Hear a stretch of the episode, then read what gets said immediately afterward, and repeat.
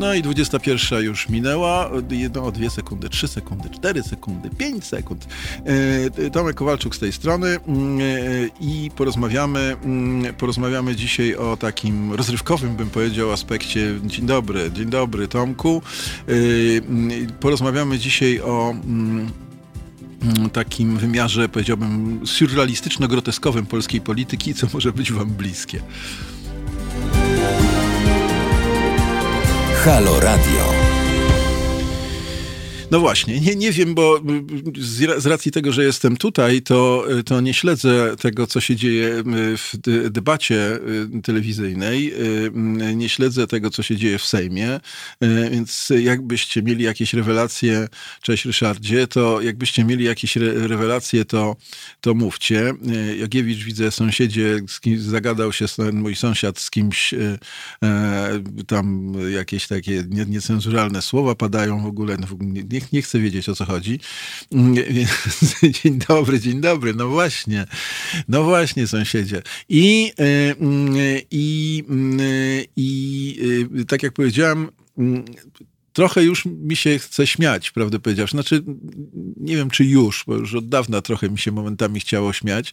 Tutaj wchodząc e, do studia i rozmawiając e, z naszą prześliczną realizatorką, e, też mówiliśmy, że to już jakieś są jaja jak berety, jak to się już stare pokolenie mówiło jaja jak berety, teraz to już pewnie ten, to powiedzenie już jest passé dawno, nie wiem. Mm, I będzie ci dzisiaj z nami y, znowu, y, ale bardzo się cieszę z tego, że znowu, będzie dzisiaj z nami profesor Wawrzyniec-Konarski, y, ale jeszcze go nie ma. Mówiliśmy się tak mniej więcej 20 w pół do mniej więcej po dziewiątej. Mm, więc na razie musicie znosić moje towarzystwo przez chwilę i po, po, pokrótce jakoś wam to powiem, o co mi chodzi. To znaczy chciałbym dzisiaj porozmawiać z, z profesorem Wawrzyńcem Konarskim na, na dwa tematy. Jeden temat już wam zasygnalizowałem i, i y, no to jest temat y, rzeczywiście, czy ta kategoria śmieszności, kategoria groteskowości, surrealizmu y, polskiej polityki zaczyna już być tak ewidentna, że już pół Europy i nawet Stany, Stanach Zjednoczonych i w, w połowa Europy pisze o polityce polskiej już w tych kategoriach, nawet nie w kategoriach jakichś tam nadużyć, nadużycia prawa, czegokolwiek, kryzysu demokracji, czy takich jakichś takich rzeczy, co to, co to już się chyba do tego nie stosują, tylko to już po prostu przeszło na etap, na etap e, tylko i wyłącznie e, e, no, no śmieszności po prostu, absurdalności, surrealizmu, nikt tego by nie wymyślił i różnego rodzaju gierki tutaj wchodzą w grę. To się wiąże to się wiąże z takim powiedzeniem, które pewnie znacie, mm, że e, nie należy pokazywać, e, jak się robi kiełbasę i jak się robi politykę. To jest takie stare, stare dobre powiedzenie, które, mm, e, które ma, ma pokazać, że zarówno robienie kiełbasy, jak i robienie polityki jest, jest no, takim y, zajęciem, które mogłoby nas trochę zdegustować. Tak? Znaczy, jeśli ktoś zostanie wpuszczony do masarni i zobaczy, jak, te, jak ta kiełbasa powstaje, y, to, y, to może już nigdy w życiu na grilla się nie udać, albo na grillu już jeść tylko bakłażana z, z pieczonego na ruszcie, a do kiełbasy już w ogóle się nie dotknie. Pamiętam kiedyś dawno temu, kiedy były, kiedy ja jeszcze zaczynałem zaczynałem studia, były tak zwane e, praktyki robotnicze. E, to pewnie niektórzy z Was e, pamiętają, czy przynajmniej wiedzą. Dzień dobry Kasiu, dzień dobry Irlandio, dzień dobry Bożeno, to dobry wieczór Bożeno, bo Bożena zauważyła słusznie, że już jest wieczór, więc, ale Bożeno, jak jechałem do studia, to jeszcze było jasno, więc to, to tak jest, świeży wieczór jest. Więc mm, przynajmniej sądząc po, po jasności i ciemności, bo jak po godzinie, no to już rzeczywiście wieczór cał, pełną gębą. Otóż y, y, te ileś tam lat temu, kiedy, kiedy studiowałem, y, no były te studenckie praktyki robotnicze. I I wtedy niektórzy, z, niektórzy byli zakwalifikowani do, do pracy na przykład w wytwórni dżemów, różnych powideł i dżemów i tak dalej, tak dalej. I potem jak się rozmawiało z kolegami z pierwszych, z pierwszych lat, którzy w, w, tych, w tych fabrykach czy zakładach produkcyjnych takich, że przetworów właśnie pracowali, to no, opowiadali o tym, że oni już więcej, słyszeliśmy tylko takie deklaracje, że oni już więcej w życiu nie dotkną nawet słoika z dżemem, nie mówiąc o, o zawartości tego słoika, e, wiedząc, co w tym, e, co w tym słoiku e, jest. Witam Andrzeju. Więc, więc tak, to, tak to mniej więcej jest. Dalej się mówi jak berety. Dziękuję. To znaczy, że nie jestem już zupełnym dinozaurem.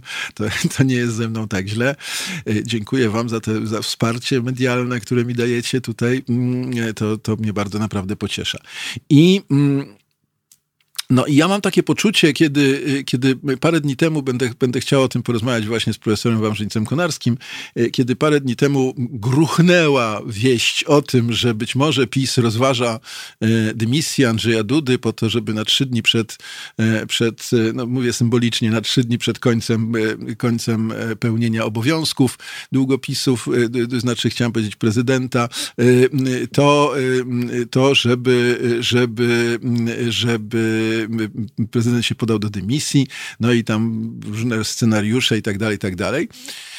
No i uznałem, że to już jest właśnie ten etap masarni, tak? To znaczy, to już jest tak, że jak teraz patrzymy na to, co się dzieje w polskiej polityce, e, to mam wrażenie, że już jesteśmy całym narodem. Weszliśmy do masarni, e, zgodnie z tym e, wstępem, o którym mówiłem, i oglądamy taki już zupełnie taki ekshibicjonizm polityczny, bym powiedział, tak? To znaczy, no, widać dokładnie, o co chodzi. Widać dokładnie te wszystkie chwyty, te triki, te te podkupywania, to, to w zasadzie, wiecie, tam jeszcze kiedyś jak e, zasłużony działacz Porozumienia Centrum i e, wierny przyjaciel i druh i kompan i, i, i żołnierz e, Jarosława Kaczyńskiego, czyli nieoceniony pan Lipiński, w pokojach, w pokojach o ile dobrze pamiętam, hotelu sejmowego wszedł w intymną relację z Renatą Beger, w, chciałem powiedzieć intymną relację ale nie mam na myśli tej intymnej relacji, tylko taką relację e, rozdzielania e, posad ministerialnych e, i różnych tam w zamian za to i tamto i dziesiąte, no to wtedy to było jakieś takie zgorszenie. Dzisiaj w zasadzie Paweł Kukis opowiada, opowiada historię o, o różnych telefonach, podobno samego premiera, roz, rozmów i tak dalej, i tak dalej. W zasadzie już nikogo to nie dziwi. Ja nie wiem, nie spotkałem się, żeby ktoś to w ogóle jakoś komentował specjalnie. No dobrze, no jest jeden czy drugi artykuł, w którym się mówi o tym, że, e, że e, dzięki Tomku, że czytałeś. E, więc, więc, więc no, no mnie to, no, no, ja mogę tak dalej, tak? No, znaczy teraz oglądamy, że a może tak zrobimy, a może tak, tu wyjdziemy z sali, tu wejdziemy do sali, tu zabierzemy sobie tablet, tu, tu podstawimy sobie nogę, tu zakleimy może sobie gumą do rzucia guzik do głosowania. No, no, naprawdę to, to już y, zaczyna być y, po prostu y, tylko i wyłącznie śmieszne. To już zaczyna być tylko i wyłącznie śmieszne i, i, to, jest, i to jest coś, co, co mnie już, już najbardziej przeraża, bo takie stadium, wiecie, dopóki, mam taką tezę, że dopóki my się możemy złościć dopóki, to jest ten moment, dopóki my jeszcze y, naiwnie wyobrażamy sobie, y, i tak, też tak napisałem w jednym ze swoich tekstów, prawda napisałem ten tekst do szuflady, w związku z tym mogę się tylko pochwalić, co tam napisałem wam w tej chwili. W jednym z swoich tekstów napisałem, że myśmy tak przez dwa, czy dwa miesiące tak próbowali takim korowodem, każdy występował, wyciągał jakieś kolejne argumenty za to, za to mający przemawiać za tym, że to jest bzdura, że nie należy robić tych wyborów, te, tego głosowania i w ogóle, i, bo, bo to, bo tamto, bo dziesiąte i najpierw, najpierw były takie argumenty, które miały apelować do jakiegoś tak, te, rozsądku, komuś się wydawało, że ktoś coś powie i ktoś powie, aha, to myśmy nie wiedzieli, no to tak, no to rzeczywiście, to, to przesuńmy tę datę głosowania i przesuńmy te wybory, bo myśmy nie wiedzieli na przykład, że się nie odbywa kampania wyborcza, albo na, na przykład to, to będzie, nie będzie pewności, że to, będzie, że to będą tajne wybory, albo co, cokolwiek innego. No i ja, ja tak obserwowałem, zresztą wiecie, sam się w to wpisałem, bo jak e, pamiętacie na Facebooku też e, już jakieś e, trzy tygodnie temu albo lepiej opublikowałem taki post, w którym mówiłem bardzo poważnie o tym, że tak, że wybory to, to nie jest moment, że to należy rozróżnić pojęcie wyborów od pojęcia głosowania i że, i że, i że to, te, pojęcia to jest co innego, bo przecież wybory to jest cały proces od ogłoszenia wyborów do, przez głosowanie i do, do rozliczenia tych wyborów i do protestów ewentualnych i tak dalej, i tak dalej. I też miałem takie wrażenie, e, też miałem takie wrażenie, przyznaję się, to, to nie jest tak, że ja wszystkich krytykuję, a sam nie miałem takiego wrażenia. Tak, ja też tak miałem, jakie, takie miałem wrażenie, że może, może ja będę tym kimś, kto coś napisze i wreszcie ktoś powie, aha, to myśmy nie wiedzieli, no to rzeczywiście to my tak zrobimy. E, no i potem było takie stadium nie wiem, czy zwróciliście uwagę, potem było takie stadium przejścia na takie chwyty retoryczne. E, to znaczy, że e, no powiedziano na przykład, że urna wyborcza, e, no to tak, to, to jest ta urna wyborcza, to jest taka, taka urna, ale nie wyborcza, tylko taka cmentarna. No i miało to zadziałać na emocje, no i rzeczywiście zadziałało, miało zadziałać na emocje i jak już się nie da komuś wytłumaczyć w prostych żołnierskich słowach, a nie da się zaapelować do intelektu, no to może, może taki wstrząs, e, wstrząs takiej urny wyborczej porównanej do urny przepraszam, cmentarnej sprawę załatwi i ludzie jakoś przejrzą na oczy i powiedzą znowu to właśnie, no tak, no rozumiemy, oczywiście, jak najbardziej. Potem były cały taki szereg różnych takich bonmotów, e, że to wybory kopertowe albo, albo jakiś tam plebiscyt, a to to i znowu wszyscy się prześcigają w jakichś takich określeniach, e, które są, e, ja z nimi nie dyskutuję, żeby nie było, żebyście mnie tu zaraz nie skasowali, ja, ja z nimi nie dyskutuję, one są wszystkie bardzo fajne i retorycznie bardzo sympatyczne e, i że nawet niektóre są bardzo śmieszne i ja się pod nimi podpisuję. Natomiast, natomiast one, e, one są tyle, tyle, tyle prawdziwe i tyle e, umotywowane i tyle śmieszne i tyle, nie wiem, emocjonalnie przemawiające, ileż kompletnie nieistotne, słuchajcie. Dlatego, że wreszcie nie o to chodzi. To jest taki przejaw naszej, mam wrażenie, takiej naszej totalnej naiwności, że jak że ktoś czegoś nie rozumie i my jak my wytłumaczymy, to on wtedy zrozumie i wszystko będzie dobrze. Kiedy wszyscy wszystko rozumieją bardzo dobrze i to nie o to chodzi. Chodzi o to, jak zwykle, żeby powiedzieć, że e, jak deszcz, że jak ktoś komuś pluje e, w, w, w twarz, to znaczy, że, że deszcz pada. No i nic poza tym, tak? To wszystko jest w porządku i jeżeli jakieś fakty temu przeczą, to tym gorzej dla faktów. E, no więc takie mam, takie mam poczucie. I też mam takie poczucie, takie mam poczucie, poczucie, że mm, e, no właśnie, dopóki jeszcze jest taka, troszeczkę poważniej teraz powiem, chociaż nie wiem, czy, czy już w tej chwili potrafię. E, e, cześć Januszu. To, to jest, ta, no piaskownica Januszu, piaskownica, tak? Ale to już nawet nie wiem, czy to, to piaskownica to jest mało. To już, to już ja, ja nie wiem, nie wiem. Może znajdziemy jakieś lepsze określenia na to wszystko. Bo mam takie wrażenie, że no właśnie, dopóki ja dopóki ja z kimś rozmawiam w ten sposób, że podaję mu jakieś argumenty, e, to, to jest pośrednio, ja mogę się z nim kompletnie nie zgadzać. Ja mogę być bardzo zadziwiony tym, co on mówi. To, tak, to nie chodzi teraz o politykę tylko, tylko w ogóle o taki, taką sytuację rozmowy z kimś, sporu z kimś, czy cokolwiek innego.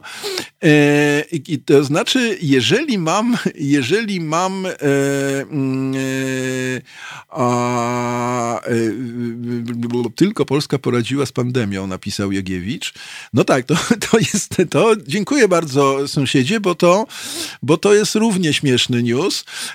I mm, no właśnie, ale wrócę do tego, co chciałem powiedzieć. To jest tak, że no dopóki, dopóki w jakimkolwiek sporze, i to jest taka przypadłość intelektualisty, tak? To znaczy, jak ktoś coś mówi i wydaje nam się, że to jest coś zupełnie z czym my się nie zgadzamy, albo zupełnie jakiegoś dziwacznego i zadziwiającego i, i tak dalej, i tak dalej, to pierwszym odruchem takim intelektualnym jest to, że może ten ktoś jednak nie wie czegoś i dlatego tak mówi. To, to może my go przekonamy. I to jest jeszcze objaw bardzo, bardzo zdrowy, idealistyczny, żeby, żeby nie powiedzieć właśnie naiwny, taki objaw szacunku dla drugiego człowieka, tak? Taki, taki objaw szacunku w dyskusji, czy dyskusji takiej, no jakikolwiek temat, łącznie z tymi politycznymi.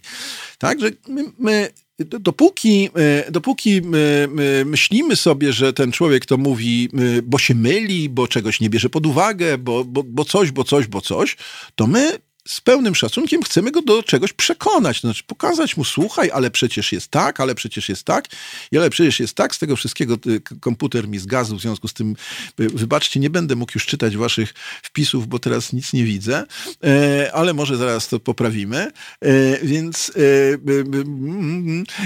komputer padł, więc nie, nie wiem, nie wiem co, co, co jest. No ale dobra, mnie to nie przeszkadza specjalnie, to znaczy tylko tyle, że nie, nie mogę przeczytać waszych, waszych komentarzy. A, e, dobra, dobra, dobra, nic na razie się nie dzieje. Więc y, do, jeszcze raz mówię, dopóty, y, dopóki my się, się z tym wszystkim, y, no, do, do, dopóki my jeszcze mamy ochotę z tym kimś rozmawiać, to mamy takie naiwne poczucie właśnie, to to to jest jeszcze, jeszcze coś, ale w pewnym momencie następuje pewna granica. Taka granica, w której ja już y, y, odkrywam, może nieco późno, może to przeczy mojemu intelektowi jednak trochę, y, ale y, no, taki przeciętny intelektualista jest nastawiony na rozmowę. W związku z tym to jest jego słabość, bo jak się trafi ktoś, kto po prostu chce mu przyłożyć w, w twarz, e, no to intelektualista nigdy się nie obroni przed przyłożeniem w twarz, bo, bo intelektualista ma taki pomysł, żeby najpierw zapytać, a dlaczego ty chcesz mi przyłożyć w twarz. Natomiast ten, kto chce przyłożyć mi w twarz, to po prostu przychodzi i mi przyłoży w, ten, w tę twarz i, i, i dopiero później będziemy dyskutować, dlaczego on mi przyłożył, ewentualnie. E, jak już będę leżał na podłodze.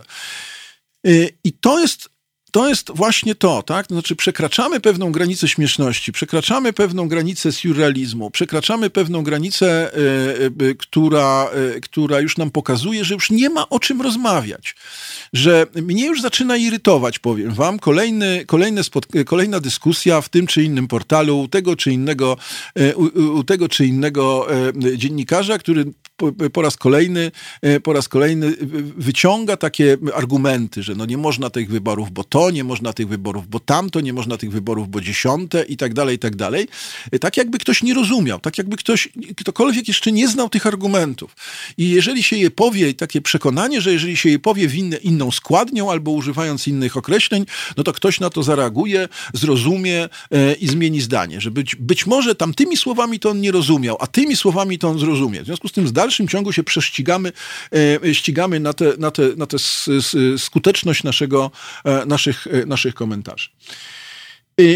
No i w związku z tym, jak mówię, w Europie i nie tylko w Europie zaczynają się pojawiać takie teksty, które, które o Polsce już mówią, mówią, no ale oczywiście to są wrogie teksty inspirowane przez totalną opozycję z Polski. Także to trzeba od razu zaznaczyć z różnych tam miejsc w Polsce. To i z różnych środowisk, najlepiej z tych środowisk odsuniętych od władzy, od żłobu i, i, i tych mord zdradzieckich, kast i tak dalej, i tak dalej no to to, e, to to zaczyna się pisać e, coraz częściej o tym, że to już jest w zasadzie tylko i wyłącznie kabaret. To już jest w zasadzie, to już nie jest jakaś polityka, bo możemy, możemy się zastanawiać, czy w Bawarii wybory, dlaczego te wybory w Bawarii, a dlaczego w Korei Południowej wybory i tak możemy się zastanawiać, no to dobrze, to jakie są argumenty, to, to, to tamto dziesiąte. Ale przy tym stanie, e, przy tym stanie tejże kiełbasy, tego robienia, robienia tej kiełbasy, tego, że w widzimy te rozmowy, widzimy poziom tych rozmów, widzimy poziom tych zagrywek, które za, nigdy nie były na wysokim jakimś specjalnie bardzo subtelne, to trzeba sobie jasno i wyraźnie powiedzieć. Ale jak tu jeden z moich e, rozmówców powiedział, nie pamiętam, który być może właśnie też albo profesor Konarski, albo Paweł Łuków, no, kiedy Andrzej Leper wykrzykiwał z, z mównicy sejmowej, że Wersal to już się skończył, no to chyba Paweł Łuków jednak powiedział, że to wtedy jeszcze ten Wersal był. To jeszcze wtedy tak było. Jeszcze, jeszcze minister Lipiński z Renatą Beger dogadywali się gdzieś w, w cichości e, pokoju, e, pokoju w, w, hotelu, e, w hotelu sejmowym. Jeszcze gdzieś tam coś tam, ktoś tam ukrywał, jakąś zasłonkę zas, zasuwał. A teraz mamy już taką sytuację, kiedy w zasadzie widzimy wyraźnie, tu jest narada, no to łup, tu jest narada, no to łup. I tylko patrzymy na taki ping-pong wszystkich tych, Jarosława Gowina, Andrzeja Sasina, premiera Morawieckiego, ministra Szumowskiego, e, który jest już coraz większym rozczarowaniem społecznym. E, już nie mówiąc o tym panu z, z, z Nowogrodzkiej, e, czy znaczy w zasadzie z Żoliborza i tak dalej, i tak dalej, i tak dalej. To to jest, e, to, to, to, już wszystko przekroczyło moim zdaniem e, granicę śmieszności w sposób, w sposób no, tak wyraźny i tak, tak uderzający, że inaczej o tym mówić nie mogę. Poproszę moją kochaną koleżankę o to, żeby mi napisała w związku z tym. Mam nadzieję, że będzie jakaś muzyka, która będzie korespondowała z tym, no ale może nie będzie, zobaczymy. Zaraz ten taki totolotek, co tu wyleci z tej z tej, z tej skrzynki czarnej i kto nam teraz zagra. E, zobaczymy, zobaczymy. Zagra nam, zagra nam, uwaga, Zbigniew Wodecki. No to pewnie może będzie Pszczółka Maja na przykład, to by było genialne. Zapraszam. Halo Radio. No i słuchajcie, udzielił mi się taki prześmiewczy ton. Widzę, że troszeczkę się pod to, znaczy nie wiem, czy to ja mam taki ogląd y, waszych wpisów, czy nie. Bardzo dziękuję, Bożeno, że relacjonujesz nam na, na, na, y, na bieżąco y, to, co się dzieje, to, co się dzieje na debacie, ale te, to, to, to, brzmi bardzo śmiesznie w końcu, bo takie hasła typu Hołownia wzywa do debaty o, o, o emeryturach.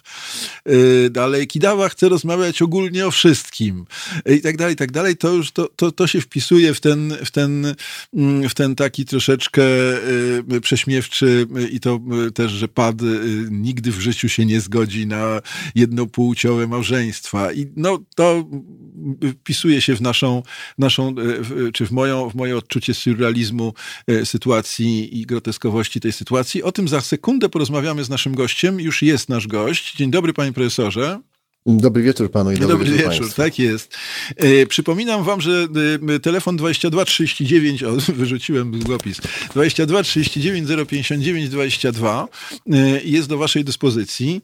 E, przypominam, e, że no, bardzo się cieszymy, jak jesteście z nami, jak nas słuchacie, e, zarówno teraz, jak i później z podcastów. Serdecznie zapraszamy. I tak jak mówię, jest z nami profesor Wawrzyniec-Konarski, który, mm, z którym już rozmawialiśmy i obiecaliśmy sobie, że jeszcze porozmawiamy i teraz, i teraz to, e, to nastąpiło. Ale panie profesorze, nasi słuchacze, chcę panu powiedzieć, cieszą się z tego powodu, że pan z nami jest, więc przekazuję z dużą radością e, e, aprobatę naszych słuchaczy. Mm, e, I, no i przejdźmy do tego tematu, który nie wiem, czy pan słuchał mojego przydługiego wstępu, czy nie, ale postawiłem taką, taką tezę, że no przez dwa miesiące myśmy próbowali trochę na, na różne sposoby przytaczać, każdy się prześcigał w różnych argumentach, żeby, żeby, żeby pokazać, że mamy do czynienia z sytuacją trochę y, zadziwiającą z planowaniem wyborów y, w, w tej, a nie innej sytuacji y, życiowej. I każdy miałem wrażenie, miał taki pomysł, że jak coś napisze, to, to, to, to akurat te jego argumenty będą przesądzające i wreszcie do kogoś trafią. I też mam wrażenie niestety, że nadal trochę tych, te, tej dysku, ta dyskusja nadal trwa i nadal się ludzie przekonują, że te, to głosowanie w najbliższą niedzielę nie ma sensu sensu. Wszystko wskazuje na to, że go nie będzie, ale w każdym razie, ale w zasadzie wszystko w tej chwili jest możliwe w Polsce. Mm, a aż do momentu, tak się dzieje, potem, aha, potem przeszliśmy na taki etap y, takich figur retorycznych typu urna wyborcza, urna, urna pogrzebowa, y, y, plebiscyt, wybory kopertowe i, i tak dalej, i tak dalej, takie, które miały skompromitować, ośmieszyć właśnie to, to, całą ideę, ale w gruncie rzeczy one 嗯 były w takiej intelektualnym złudzeniu, że być może w jakiś sposób kogoś do czegoś przekonamy. E, a teraz to już jest chyba tylko etap, e, etap e, surrealizmu i groteski. Ja z tego, co się dowiedziałem, Le Monde pisze o Polsce w kategoriach surrealizmu, foreign policy w kategoriach, w kategoriach dowcipu. Ja też wiążę to z, tak, z czymś, co nie wiem, czy jest śmieszne, czy obrzydliwe, to znaczy wprowadzenie nas do masarni wzorem powiedzenia, które pan do, dobrze zna jako politolog, że y, y, nie pokazuje się ani tego, jak się robi kiełbasę, ani jak się robi politykę, to mam wrażenie, że w tej chwili już jesteśmy całym narodem wpuszczeni do masarni i oglądamy, jak się robi tę politykę. Nikt niczego nie ukrywa. Y, pan Lipiński kiedyś sprzedawał posady w zaciszu hotelowego pokoju, hotelu, hotelu sejmowego. E, dzisiaj to się wszystko dzieje w zasadzie na, na oczach wszystkich, nikogo to nie żenuje. Mamy do czynienia z takim pomieszaniem czegoś, co jest żenujące, z czymś, co jest surrealistyczne, groteskowe i nie wiem, czy iść w stronę groteski i w stronę prześmiewczości, czy iść w stronę zażenowania i, i zgorszenia. Nie wiem, po prostu nie wiem. Ciekaw jestem pańskiego sądu. Strasznie dużo wątków pan zawarł, jak zawsze. To znaczy, że mamy przed sobą wielowątkową dyskusję. Mhm. No cóż, mogę, może wyjdę od tego, mm, ponieważ zostałem jako zaproszony, jako gość zaproszony do Pana audycji, za co dziękuję jak najbardziej. A my dziękujemy, miło, że Pan przyjął. Jest mi miło, że tyle osób, y, jak Pan powiedział, y, akceptuje tak, tego, żebym tak. ja bywał u Państwa. Mhm. Ale to oczywiście jest zawsze olbrzymie zobowiązanie, ponieważ y, no, jak się ktoś staje osobą oczekiwaną, no to ci, którzy mm. tego oczekują, liczą na to, że będą jakieś wodotryski i tym podobne rzeczy, więc postaram się, żeby to wszystko w jakimś stopniu trochę. Trochę mamy wodotrysków, łowić, panie profesorze, bo deszcz pada. Deszcz pada, więc, więc. I bardzo dobrze, niech pada tak ten jest, deszcz, chociaż tak jest. jest obrzydliwie zimno. Tak e, jest. Przy czym zwracam e, Państwa uwagę i Pana, mhm. E, panie redaktorze, że mamy od wielu już lat zimne maje, tak jak tak, kiedyś śpiewała Kora w tym zimnym maju. I to mhm. jest też jeden z dowodów na to, że wszystko się dzisiaj pozmieniało. Mhm. Pory roku szaleją. E, szaleje globalna pandemia, której się wszyscy boimy, ale myślę, że w dużym stopniu to, że się jej boimy, jest konsekwencją pewnego rodzaju, no właśnie nie chcę mówić surrealizmu, ale pewnego, pewnego funkcjonowania dzisiaj systemu medialnego, który narzuca pewne tematy w taki sposób, e, którego nie jesteśmy w stanie po prostu uciec i bardzo trudno nam jest zachować niekiedy mm, poczucie pewnego dystansu wobec mm -hmm. tego, co nam jest dostarczane, ponieważ ten dystans y, jest niewielki, dlatego że jednak autentycznie towarzyszy nam pewien niepokój w związku z tym, co się dzieje. I oczywiście to się przenosi na sferę polityki. Mm, pozwolę sobie przypomnieć jedną z, jedno ze stwierdzeń, jakie swego czasu wyraziłem w innej stacji, tym razem telewizyjnej, Notabene, wchodząc w dość ciekawą dyskusję z moim interlokutorem, ale nie powiem, kto to był, mm. bo to jest, bośmy się wtedy, bośmy się wtedy trochę, trochę y, nie tyle może pokłócili, ile mm, tenże znany zresztą bardzo polski socjolog najpierw mnie wpuścił maliny mówiąc, żebym się tak bardzo nie ekscytował zachowaniem polityków, bo to jest teatr. Mhm. Po czym ja mu się zrewanżowałem dwa tygodnie później na mm, kolejnym y, występie, mhm. mówiąc, właśnie dokładnie w pewnym momencie, którego on się nie spodziewał, że też się nie ma co ekscytować, bo jak już sam doskonale wie, to jest właśnie teatr.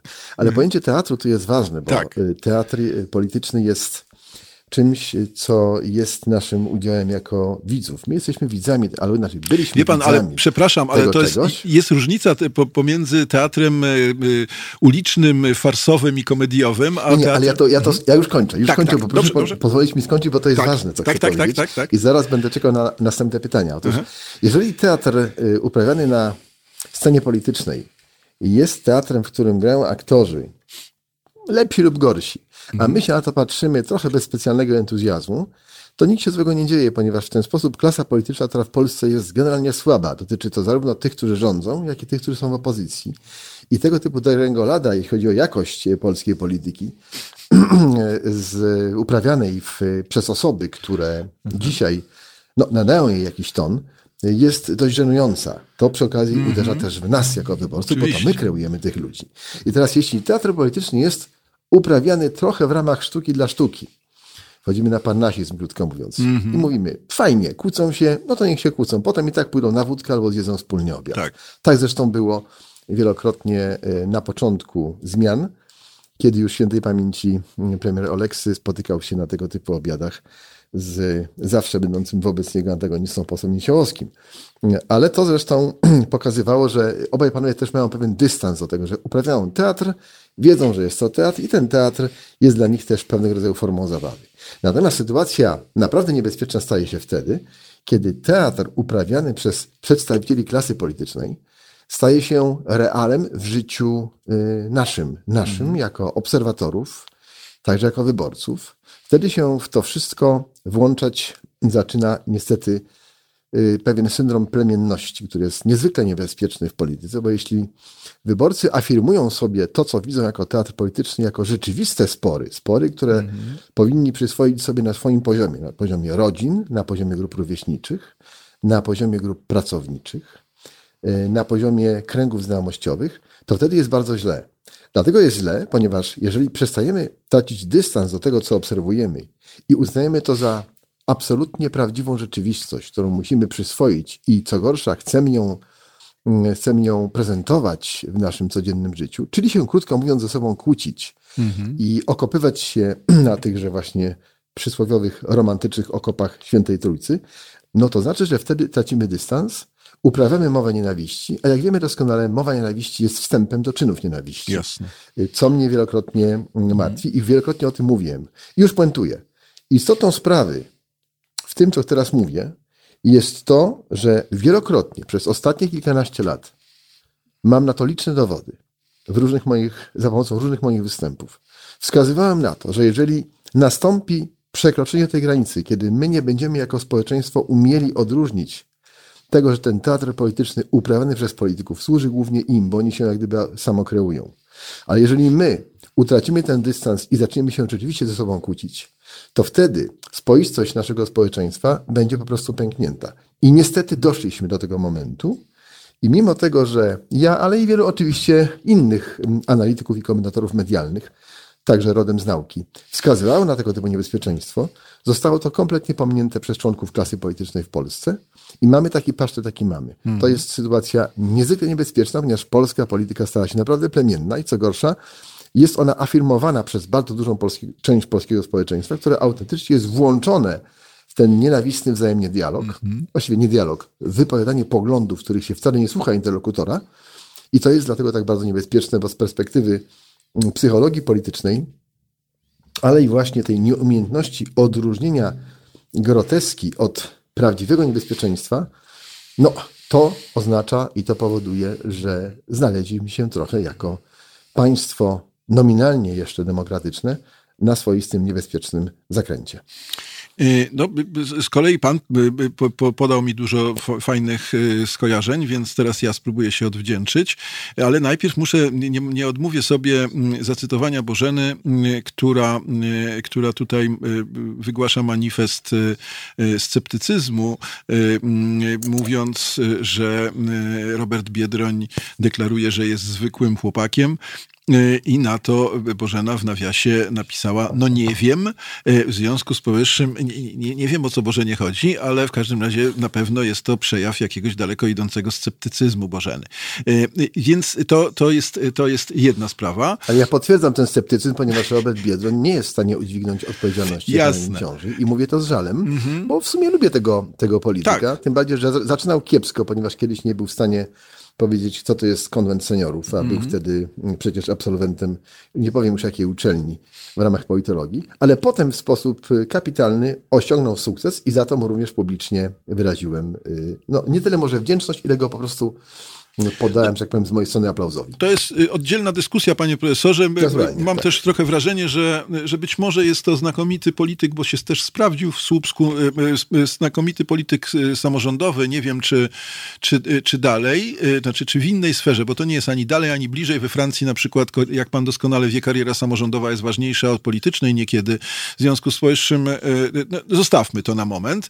Natomiast wrócę do tego, co pan powiedział, bo tam wiele wątków mnie bardzo interesuje. Dlatego, że no rzeczywiście przez wiele lat myśmy pokazywali y, y, y, te właśnie obiady, te wódki, o których pan mówił, pana Oleksego z panem Niesiołowskim, jako taki przykład hipokryzji, czy taki przykład no właśnie teatru politycznego i tak dalej, i tak dalej. A być może, być może należy to ocenić zupełnie inaczej.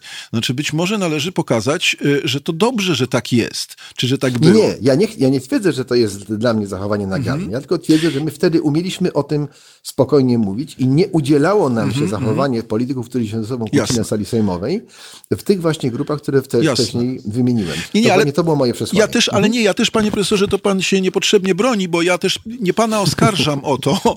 E, nie pana oskarżam. No, działam prewencyjnie po prostu. E, to nie, nie pana mam zamiar tutaj, znaczy nie, w ogóle nie mam zamiaru oskarżać, bo to może trochę nie w moim stylu, ale już na pewno nie pana, tylko, tylko wiem, że to tak funkcjonowało w przestrzeni społecznej. Ja się wielokrotnie spotykałem z tym, y, y, rozmawiając z ludźmi y, gdzieś, no jak to się potocznie mówi, na ulicy, czy w jakichś rozmowach, którzy właśnie to podawali jako przykład taki negatywny polityki polskiej. Podczas gdy być może należano to, należy na to spojrzeć od strony na razie politycznej, nie od strony elektoratów, do których zaraz przejdę, tylko od strony samych polityków. Być może nie jest wcale źle, jeśli politycy y, prezentując y, y, w takim retorycznym stylu, ostrym nawet retorycznym stylu na sali sejmowej, ostrym aczkolwiek z szacunkiem, bo to, to są wszystko to takie niuanse, to są takie niuanse bardzo istotne jednak, takie troszeczkę, no dobrze, zostawisz, nie, nie precyzujmy, ale wiemy o co chodzi, ostre z szacunkiem, wiemy, tak. prezentują swoje zdania, są retorycznie niekiedy nawet bezlitośni wobec, y, wobec y, swojego przeciwnika, robią to z uśmiechem i bawią się jakby wzajemnie. Tak? To jest troszeczkę tak jak w naszym środowisku akademickim, tak? kiedy, kiedy my też niekiedy wchodzimy w różnego rodzaju spory i mówimy sobie różne argumenty i wiemy, zdajemy sobie sprawę z tego, co, co ja mówiąc coś, zdaję sobie sprawę, że, że no idę jakimś, jakimś retorycznym, jakąś retoryczną drogą, mój przeciwnik, którym się bardzo lubimy, bardzo szanujemy, e, idzie inną drogą i ktoś, kto obserwuje te dwa stanowiska, może sobie coś z tego wyciągnąć, tak? To znaczy może zobaczyć jedną stronę e, myślenia i drugą stronę myślenia i coś z tego zrobić. I jak gdyby to tak wyglądało, oczywiście do tego trzeba dobrych retorów, do tego trzeba dobrych, e, dobrych dobrze przygotowanych ludzi, którzy potrafią po prostu dźwignąć taki, taki teatr, no to wtedy to, to, to może, może wbrew pozorom mieć sens. I, i to bym od tego zaczął. Więc moim zdaniem y, to, że y, dzisiaj, y, dzisiaj politycy nie mówią sobie dzień dobry i nie chodzą na, na już zostawmy wódkę, ale nawet na kawę, to, to być może to nie jest dobrze. Być może... Na być pewno może, nie jest to dobrze. Prawda? To, to, to, to, nawet nie musimy w to wątpić. No to właśnie. jest bardzo złe, bo to znaczy, że upada nam mhm. pewnego rodzaju wysublimowany zestaw obyczajów, no właśnie. który powinien być e, jednak kultywowany przez polityków. Tak, szacunek jest bardzo istotny. To... I ja tylko wejdę słowo i powiem, że przecież to jest jeden z elementów retoryki stosowanej na bieżąco w Izbie mm -hmm. Gmin, tak. gdzie wszyscy są w stanie się kłócić, ale zaczynają zawsze swoje wystąpienia od słowa wielce szanowny poseł albo pani poseł. Tak jest. Też miałem ochotę się powołać na parlament angielski, ale y, y, y, świetnie, że pan mi to dopowiedział. W związku z tym idealnie to tak wygląda, tak? I mamy, mamy taki rzeczywiście y, obraz y, y, tak samo w klasie politycznej, który, takich plemion, jak i ten obraz przeniesiony na, na zewnątrz. Ja, ja już od wielu lat przypominam, już nie pamiętam z których wyborów, ale pewnie ze 20 lat temu, taki, taki obrazek, kiedy gdzieś przy, przy w jakiejś kampanii wyborczej kandydaci się, już nie, nie pamiętam jakie były to formacje polityczne, to nie jest istotne. W każdym razie się ze sobą kłócili i Kamil Durczok wtedy komentując, komentując ten spór powiedział, że no tak, że my tu mamy taki duży spór, ale przecież my wszyscy wiemy, że to jest taka frazeologia przedwyborcza. I, i ja powiem szczerze, że ja miałem, miałem wtedy pretensje do Kamila Durczoka i mam do dzisiaj, że myśmy zbyt łatwo przeszli do takiego stwierdzenia, że to jest taka frazeologia przedwyborcza, bo nam to wiele rzeczy u, u, u, ułatwiło, tak? W takim, w takim przeniesieniu, usprawiedliwiło w takim przeniesieniu do naszej retoryki codziennej. I teraz jedno jeszcze zdanie e, e, dotyczące, e, dotyczące elektoratów. Pan mówi o plemienności, e, używa pan słowa plemienność. Myśmy ostatnio mieli taki kłopot, e, dyskutując, e, dyskutując taki stosunek, jak ja to nazywam i czy lubię nazywać wyznawców, tak? To znaczy takich ludzi, którzy właśnie stoją murem za swoim, za swoim kandydatem i nie i, i, i czują się w obowiązku być jego żołnierzami i czują, że każda, każda krytyka, każdy, każdy przejaw dyskusji jest działaniem wrogim i mają też ochotę odpowiedzieć takim wrogim działaniem.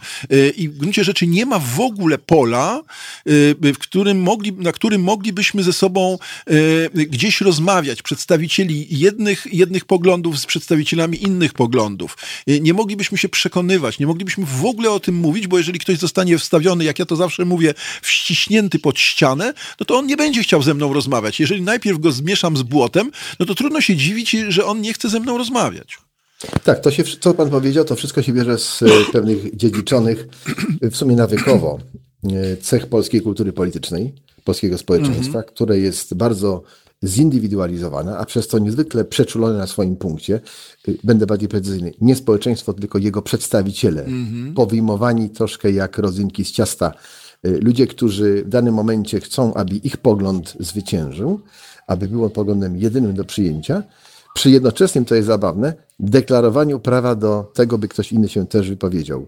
Tu jest pewna sprzeczność, tak. która wielokrotnie jest widziana w polskim dyskursie politycznym, ale nie tylko w ogóle dyskursie, bo y, to stwierdzenie, że zgadzam się, ale mm. i w tym momencie następuje oczywiście gremialny atak na tę tak. drugą stronę, jest zaprzeczeniem tej intencji, która jest wypowiadana wydawałoby się w logicznie tworzonym zdaniu. Y, to się bierze stąd, że nasz indywidualizm jest pewnym fetyszem, jest także pewną obsesją, którą bardzo chcemy wyrazić, y, kiedy prowadzimy dyskusję. Mm, y, I jest to absolutnie odwrotny typ argumentowania i prowadzenia całego dialogu niż to, co znamy na przykład z kultury politycznej skandynawskiej, gdzie widoczne jest to również i na forum parlamentu, ale i chociażby poprzez akceptację parlamentaryzmu mniejszościowego, czyli sytuacji, w której przez pewien czas mogą rządzić nawet koalicje międzypartyjne, które nie, nie posiadają większości w parlamencie, w którym są akceptowane osoby z uwagi na ich przymioty, nie tyle może nawet przywódcze, ile na ich intelektualizm, na ich skalę argumentacji, gdzie nie ma mowy właśnie o wyznaniowości, tylko jest y, mowa o uważnym słuchaniu tego, co polityk tak. ma do powiedzenia. Czyli dialogu. I wyciągania, tak jest, i wyciągania wniosków w postaci stwierdzenia, że tak, ten człowiek może rządzić, chociaż nie ma jeszcze y, większości w parlamencie, ale jego y, sposób funkcjonowania, jego zachowanie, jego argumentacja, jego kultura osobista, bo to jest ważne. Tak. Kultura dokładnie wysoka, tak przy okazji ja się zawsze kłaniam poglądowi jednego z e, najbardziej ciekawych, ale zapomnianych polskich socjologów, czyli Stefana Czarnowskiego, który wielokrotnie mówił, e, że brak kultury też jest kulturą, mm. tylko że tu chodzi tak. o kulturę, która jest albo wysoka, albo niska. To trzeba wyraźnie to tak jak z pogodą. Tak jak z pogodą. Właśnie, tak. nie ma żadnej niepogody. Jest pogoda. Dzisiaj mamy brzydką pogodę, a nie niepogodę, więc tak mm. samo jest kulturą. O tym trzeba zawsze e, przypominać. Mm. Natomiast jeszcze jeden wątek, który Pan był uprzejmy wcześniej poruszyć, jest dla mnie niezwykle istotny. Dlatego, że jeżeli ludzie tacy jak ja, czyli naukowcy, których, których chce się czasem wysłuchać jako analityków sceny politycznej, zabierają głos z pozycji ekspertów, no, czujemy się ekspertami, bo w tym celu się kształciliśmy. Mhm. Mamy też pewne doświadczenie. Y, oczywiście nie, nie trzeba się z nami zgadzać. Ja bardzo lubię osoby, które się ze mną nie zgadzają, pod warunkiem, że będą umiały przedstawić takie argumenty, które dla mnie będą wartością dodaną, które wniosą także i w moją wiedzę nowe, nowe elementy. Bardzo się z tego zawsze cieszę. Natomiast problem mamy innego rodzaju. To się pojawiło w jednym z esejów, zapomniałem nazwiska pewnego amerykańskiego naukowca, który kilka dni temu dokładnie mm, napisał w jednej, w jednej z gazet amerykańskich o tym, że nadchodzi czas, w którym bycie ekspertem y, no niestety, ale stanie się trochę wyświechtane, bo ekspertów mamy dzisiaj mm. tysiące albo nawet dziesiątki czy setki tysięcy. I do każdej tezy można się, znaleźć eksperta.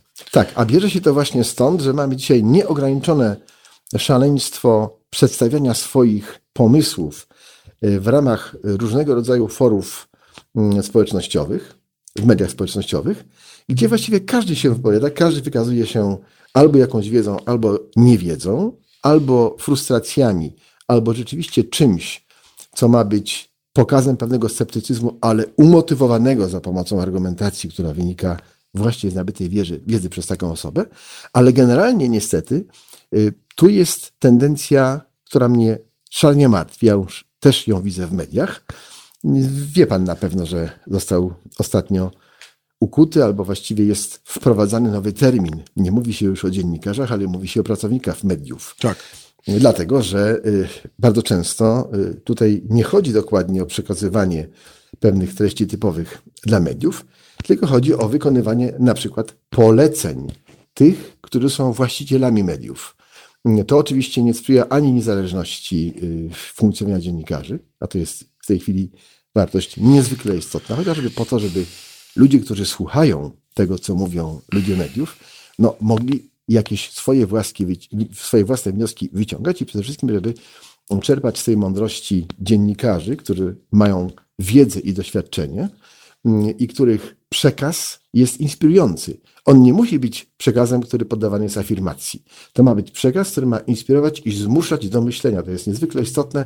Ja wielokrotnie, kiedy jestem a bywam oczywiście atakowany za taki czy inny swój pogląd, zawsze się cieszę i dziękuję tym, którzy mnie atakują, stwierdzając, że jest to dla mnie kanwa do przemyślenia. A jak już ktoś mnie zmusza do przemyślenia, to znaczy, że wykonał kawał dobrej roboty. Jeśli dzisiaj mamy do czynienia z sytuacją, już kończę, mhm. w której mamy do czynienia z ludźmi, którzy się uważają za ekspertów, dlatego że tworzą na przykład swój blog i w ramach tego blogu przekazują jakieś swoje myśli, które y, oczywiście są lepsze czy gorsze, ale jak gdyby przesłanie takiego czegoś jest proste. Mam blog, coś robię, mam coś do przekazania, chciałbym być wysłuchany, jestem ekspertem. Wcale tak nie musi być. Mm -hmm. Wcale tak nie musi być. To wynika, mm, to czy jest się ekspertem, czy też nie, wymaga pewnego sposobu na weryfikację tego, co się mówi, bo można przekazywać mnóstwo informacji, ale to są informacje, które po pierwsze nie muszą być poparte wiedzą takiej osoby, tylko samym jego chcieństwem, y, a po drugie bardzo często niestety mogą y, uwypuklać te niektóre elementy braku tej wiedzy, bo y, ludzie często mają to do siebie, że bardzo są przywiązani do swoich poglądów, bardzo rzadko z nich rezygnują, a jeśli z nich rzadko rezygnują, to znaczy są wtedy uparci i tkwią na pozycjach, które właściwie są pozycjami do weryfikacji. Ale tu znowu wracamy klamrą. To jest właśnie element naszej polskiej kultury politycznej, która jest związana bardzo mocno z indywidualizmem i z niechęcią do tego, żeby zaakceptować inny pogląd, tylko dlatego, że jest on inny, nawet jeśli może być słuszny. Y, panie profesorze, y, y, oddamy teraz głos znanemu na pewno i lubionego, lubionemu pewnie i przez pana zespołowi Dire Straits, ale... Mm, świetnie. Prawda? Właśnie pochwalę was, macie bardzo dobrą muzykę. Oczywiście. Szalenie mi to cieszy. My w ogóle mhm. mamy wszystko bardzo fajne. Mamy znakomitych gości na przykład. Nie wiem, czy pan wie, panie profesorze, są znakomici goście do nas przychodzą i z nami rozmawiają. W związku z tym w związku z tym się bardzo z tego cieszę. Y, ale zasygnalizuję panu trzy rzeczy, o ile teraz pamiętam. Pierwsze to jest, chciałbym zasygnalizować pojęcie kompromisu, to znaczy fałszywego rozumienia kompromisu, kiedy pan mówił o tym, że ja, ja się z tobą zgadzam wtedy, kiedy w zasadzie, pamiętam taką scenę, kiedy zwolennicy Jarosława Kaczyńskiego jeszcze za czasów rządów Tuska powiedzieli, że wykrzyczeli na jakiejś manifestacji, że oni bardzo chętnie się z, z, z, porozumieją z Donaldem Tuskiem wtedy, kiedy Donald Tusk po prostu przyjdzie i powie, że, że oni mają rację. Się z nimi zgadza, tak jest. Tak, więc, mhm. więc to, to jest jedna rzecz. Druga rzecz to jest bardzo interesująca, mianowicie, mianowicie to, co pan powiedział o, dziennikara, o dziennikarzach, bo też mam takie wrażenie, zawsze mam mieszane uczucia co roku, czy miałem przy okazji tak zwanego, nie tak zwanego, po prostu balu dziennikarzy. I na tym balu dziennikarzy, jak pan doskonale wie, pojawiali się również politycy, bawiąc się razem z tymi dziennikarzami. I teraz ja mam, powiem panu szczerze, awersję do takiego pomysłu, że nie wolno. Wszyscy ci, którzy mówili, że to nie jest dobrze, jeśli dziennikarze i politycy bawią się na jednym balu, no ale ja mam też takie poczucie, że to nie może na tym polegać, że ktoś nie może tam przyjść, bo po pierwsze on zawsze i tak znajdzie drogę do tego, żeby się z kimś spotkać, jeśli chce. Natomiast, natomiast takie dzielenie, że ci muszą oddzielnie i ci muszą oddzielnie i ci muszą oddzielnie, które później, które później przechodzi na przykład na taką sferę, że jeżeli jakiś sędzia Sądu Najwyższego na przykład czy Trybunału Konstytucyjnego rozmawia z jakimś politykiem, to znaczy od razu, że on jest nieuczciwy, to to jest mhm. wniosek za daleko idący. Gdzieś tam po drodze jest, jest coś, co byśmy nazwali, nie wiem, profesjonalizmem, wzajemnym szacunkiem, czy czymkolwiek innym, szanowaniem samego siebie, mówiąc najprościej, co, co, co wydaje mi się tutaj no, no bardzo istotne. Nie, nie oczekuję w tej chwili, bo zostawmy daję strec na chwilę. Natomiast i trzecia rzecz, którą chyba już zapomniałem, którą pan podkreślił, o której pan powiedział ostatnio, mm, Dobrze, no to zostawmy na razie te dwie i, i, i, zostawię panu chwilę czasu na posłuchanie muzyki i wrócimy do naszej rozmowy.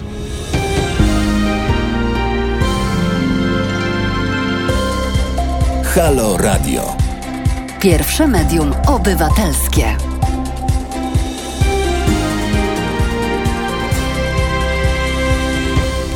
6 minut po godzinie 22. Y, tu Halo Radio i Tomek Kowalczuk z tej strony. Y, przypominam wam, że rozmawiamy dzisiaj z y, profesorem Wamrzyńcem Konarskim.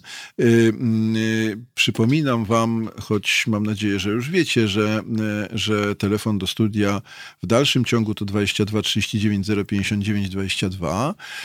Możecie dzwonić, możecie pisać. Będzie nam bardzo miło, jeśli zadzwonicie. Będzie nam, tak jak pan profesor mówił parę minut minut temu też bardzo miło, że kiedy nie będziecie się z nami zgadzać e, pod warunkiem, że nie zmieszacie nas z błotem, tylko, e, tylko e, powiecie nam coś ciekawego, co, co będzie jakimś kontr, kontrpropozycją, kontrrozumowaniem, czy czymś takim, co, mm, co dopełni nasze myślenie, bo ja tu jestem jako filozof, filozoficznie oprzyrządowując to, co pan profesor powiedział, od innej strony mówię zawsze, że to jest dopełnienie. To jest słynne P lub nie P. Jedni mówią P, drudzy mówią nie P i łącznie będziemy dochodzili do, do e, logicznej definicji Boga ze średniowiecza, ale to już bardzo daleko sobie e, poszedłem. E, mamy telefon właśnie, czyli tak jak na zamówienie. Halo, halo. Dobry wieczór, Bożena z Warszawy. No dzień dobry Bożenko, gratuluję twoich, y, twoich skrótowych komentarzy, bo jakby je tak wyjąć, jakby je tak wyjąć i y, y, pokazać, to, to byłyby taką bardzo śmieszną w sumie kwintesencją te, tego, tego, co się na tej debacie działo. Słuchamy cię. I tego, I tego, co się dzieje tutaj w naszej audycji, bo Aha. to właśnie mówimy o śmieszności tego, tak, co się tak, dzieje tak, tak, na tak. naszej scenie politycznej. Mm -hmm, to mhm. taka kwintesencja właśnie właśnie. Mm-hmm. Ale e, no, chcieliście, żeby się z wami Krytycznie. nie zgadzać, to Dobra. ja się nie zgodzę. Bardzo się bo, cieszę. Tak jak, tak jak Tomaszu mówisz często zresztą, o przekonywaniu, o przekonywaniu tych, którzy myślą inaczej. Bardzo mm-hmm. ci na tym, jak widzę, zależy, zależy. I, mm-hmm. i, dużo, i, i dużo z siebie daje, żeby ich przekonać. Ja natomiast wcale nie uważam, żeby to było konieczne. Ja nie mhm. czuję takiej potrzeby, żeby przekonywać nieprzekonanych i żeby przekonywać tych innych, tych, mhm. tych, którzy są w opozycji z nami, e, dlatego że każdy ma prawo do swoich poglądów, do swojego zdania. Mhm. Ja mogę przedstawić mu e, swoje poglądy i on się wcale, i, i nie mam potrzeby, żeby go przekonywać, żeby pozyskać tamten elektorat. Otóż ja bym sobie bardzo życzyła takiej polityki, w której e, no to, to, to, to, to, co powiem, to też jest trochę populistyczne, w której nie ma miejsca na populizm, tylko na programy. Y, nie lubię tego, że kandydaci jeżdżą po Polsce, słuchają ludzi, a później będą odpowiadać na ich zapotrzebowania w swoim programie. Otóż nie, ja bym sobie życzyła bardzo, żeby każda partia miała swój program, swój przemyślany program zgodny ze swoim poglądem i ze swoim mm -hmm. widzeniem y, państwa, widzeniem Polski, oczywiście nas jako, jako społeczeństwa, taki program, żeby każda partia zawarła najlepiej w trzech, bo więcej niż trzech rzeczy to rozum nie jest w stanie zapamiętać. Z trzech do mhm. pięciu góra w punktach takich zasadniczych dla nich takim, takim core biznesem, które były mhm. rzeczy fundamentalne, które są dla nas, a o reszcie możemy porozmawiać, a na resztę znajdziemy pole wspólne, ale dla nas te trzy do pięciu rzeczy są ważne i o nich mówić i co dalej. I za taką partią niech idą ci, którzy się z tym zgadzają, którym to mhm. pasuje. Niech odnajdą w danej partii, w danym ugrupowaniu miejsce dla siebie. Nie odwrotnie. Nie ja będę szukał, mhm. czego ty chcesz i ja ci to zaproponuję, tylko ja proponuję ci pewną wizję, pewien mój program. Chcesz iść za mną? Zapraszamy. Nie podoba ci się to? Nie ma problemu. Inni może będą mieli dla ciebie lepsze propozycje. Mhm. Więc nie staram się przekonać na siłę na przykład mojej mamy, której nie przekonam, mogę się z nią tylko zgodzić albo rozstać e, e, w pokoju. E, tylko Znam ten ból, mogę iść z ludźmi, z którymi mamy wspólne cele i wtedy za, za, za każdym ugrupowaniem będzie stał jakiś, będzie, będzie stał jakiś szereg ludzi, którym to odpowiada. Może nie byłoby tej takiej wojny, żeby ciebie przekonać, czy ciebie obrazić, bo nie podobają mi się, nie podoba mi się twoje stanowisko. Nie podoba mi się i okej, okay, mam do tego prawo. Jasne. Ja mam swoje, ty masz swoje. Każdy niech zbierze swoją grupę i tyle. A kto będzie miał największą? No wiadomo, że ten wygra.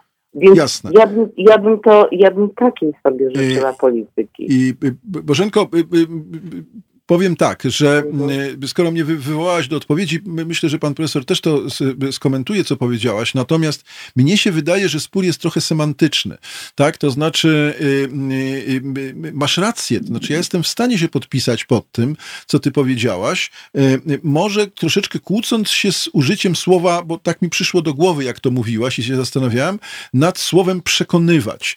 Jeżeli ja mówię, jeżeli ja mówię, że chcę, prze, prze, ja nie chcę przekonać, Y, ja chcę rozmawiać, ja chcę właśnie, jeżeli już to przekonywać, to znaczy, mówiąc w ten sposób, że prezentować swoje racje, powiem górnolotnie, że mamy, mamy, wszyscy mamy ten sam cel. W polityce, jak myślę, czy w ogóle w wielu sprawach, cel jest pod, bardzo, ten, y, bardzo podobny, tylko mamy pomysł nie na, y, nie, nie, chodzi nam o inny cel, chodzi nam o inne drogi do celu.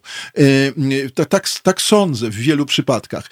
I być może mówienie sobie o tych drogach, które są jakoś drogami alternatywnymi, które być może y, mają swoje plusy, tak? Możemy pójść albo przez las, albo możemy pójść granią, Aha. albo możemy pójść tak, a możemy plażą, iść najlepiej plażą nad brzegiem. Albo możemy iść plażą, tak jest, z, z Brianem Adamsem i, i, i, śpiewać Everything I Do, I Do It For mhm. You i, i, i moczyć, y, i marzyć o wielkiej miłości i tak dalej. Tak, tak, oczywiście. Możemy, więc mnie się wydaje, że to jest to. Jest to. Y, ja nie, nie mam na myśli, to, to jest, prowadzę do tego, co, o co pytałem pana profesora e, przed e, Dire Straits, mianowicie o pojęcie kompromisu, ponieważ ja mam takie doświadczenia i ze szkoły średniej, w której jednocześnie, będąc nauczycielem akademickim, pracowałem również w szkole średniej, w jednym z liceów, w dwóch liceach warszawskich, a nawet w trzech w porywach, to, e, to przy okazji granicy naukowskiej bardzo wyraźnie stawiałem problem kompromisu. Co to w zasadzie jest kompromis? O co chodzi. Czy, czy on jest niedobry, czy on jest dobry, po co my go za, po co my ten kompromis budujemy i do jakiego stopnia musimy pamiętać o naszych bazowych pozycjach, kiedy wychodzimy, w ten, robimy ten krok w kompromisie, tak? Pamiętając o tym, co, co myślimy, ale dla wspólnego celu podejmujemy pewien krok w kierunku tego drugiego.